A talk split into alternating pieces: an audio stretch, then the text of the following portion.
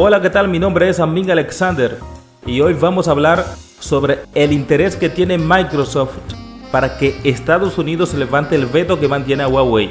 El presidente de Microsoft, Brad Smith, pidió que Estados Unidos retire la prohibición de suministrarle el software de Windows a Huawei para sus computadoras.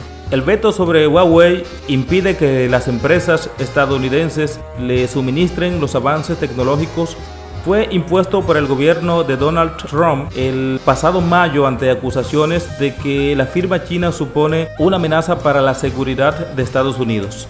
Smith dijo que no cree que la seguridad de Estados Unidos se pueda ver amenazada por dejar que los clientes de Huawei usen el sistema operativo de Microsoft o las aplicaciones del paquete de Office. El secretario de Comercio estadounidense Wilbur Ross dijo el pasado julio que su departamento emitiría licencias para declarar exentas del veto a las ventas de tecnología a Huawei a ciertas empresas siempre que no haya una amenaza a la seguridad nacional de Estados Unidos. Sin embargo, el Departamento de Comercio no ha emitido ninguna de estas licencias pese a haber recibido más de 100 solicitudes. Como resultado, Huawei lanzó su último dispositivo estrella sin algunas de las principales aplicaciones de Google, como YouTube, Mapas y Play Store. La compañía con sede en Shenzhen, al sur de China, niega que suponga un riesgo de ciberseguridad.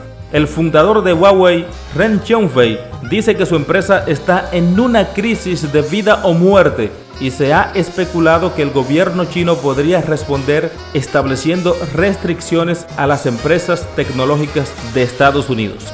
Por otra parte, Smith es el ejecutivo más duradero de Microsoft y actúa también como su director legal.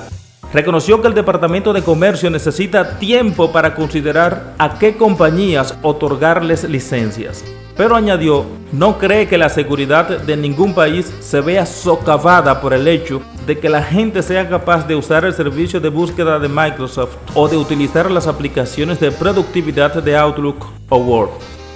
Resaltó que Apple y otras empresas están más expuestas a una amenaza de este tipo, pero agregó que también están preocupados por el impacto que esto pueda tener en los acuerdos de investigación. Y hasta aquí llegamos al final de este episodio. La invitación para que me sigan en mi cuenta de Instagram, ahí estoy como Amin Alexander C en Twitter, Amin Alexander.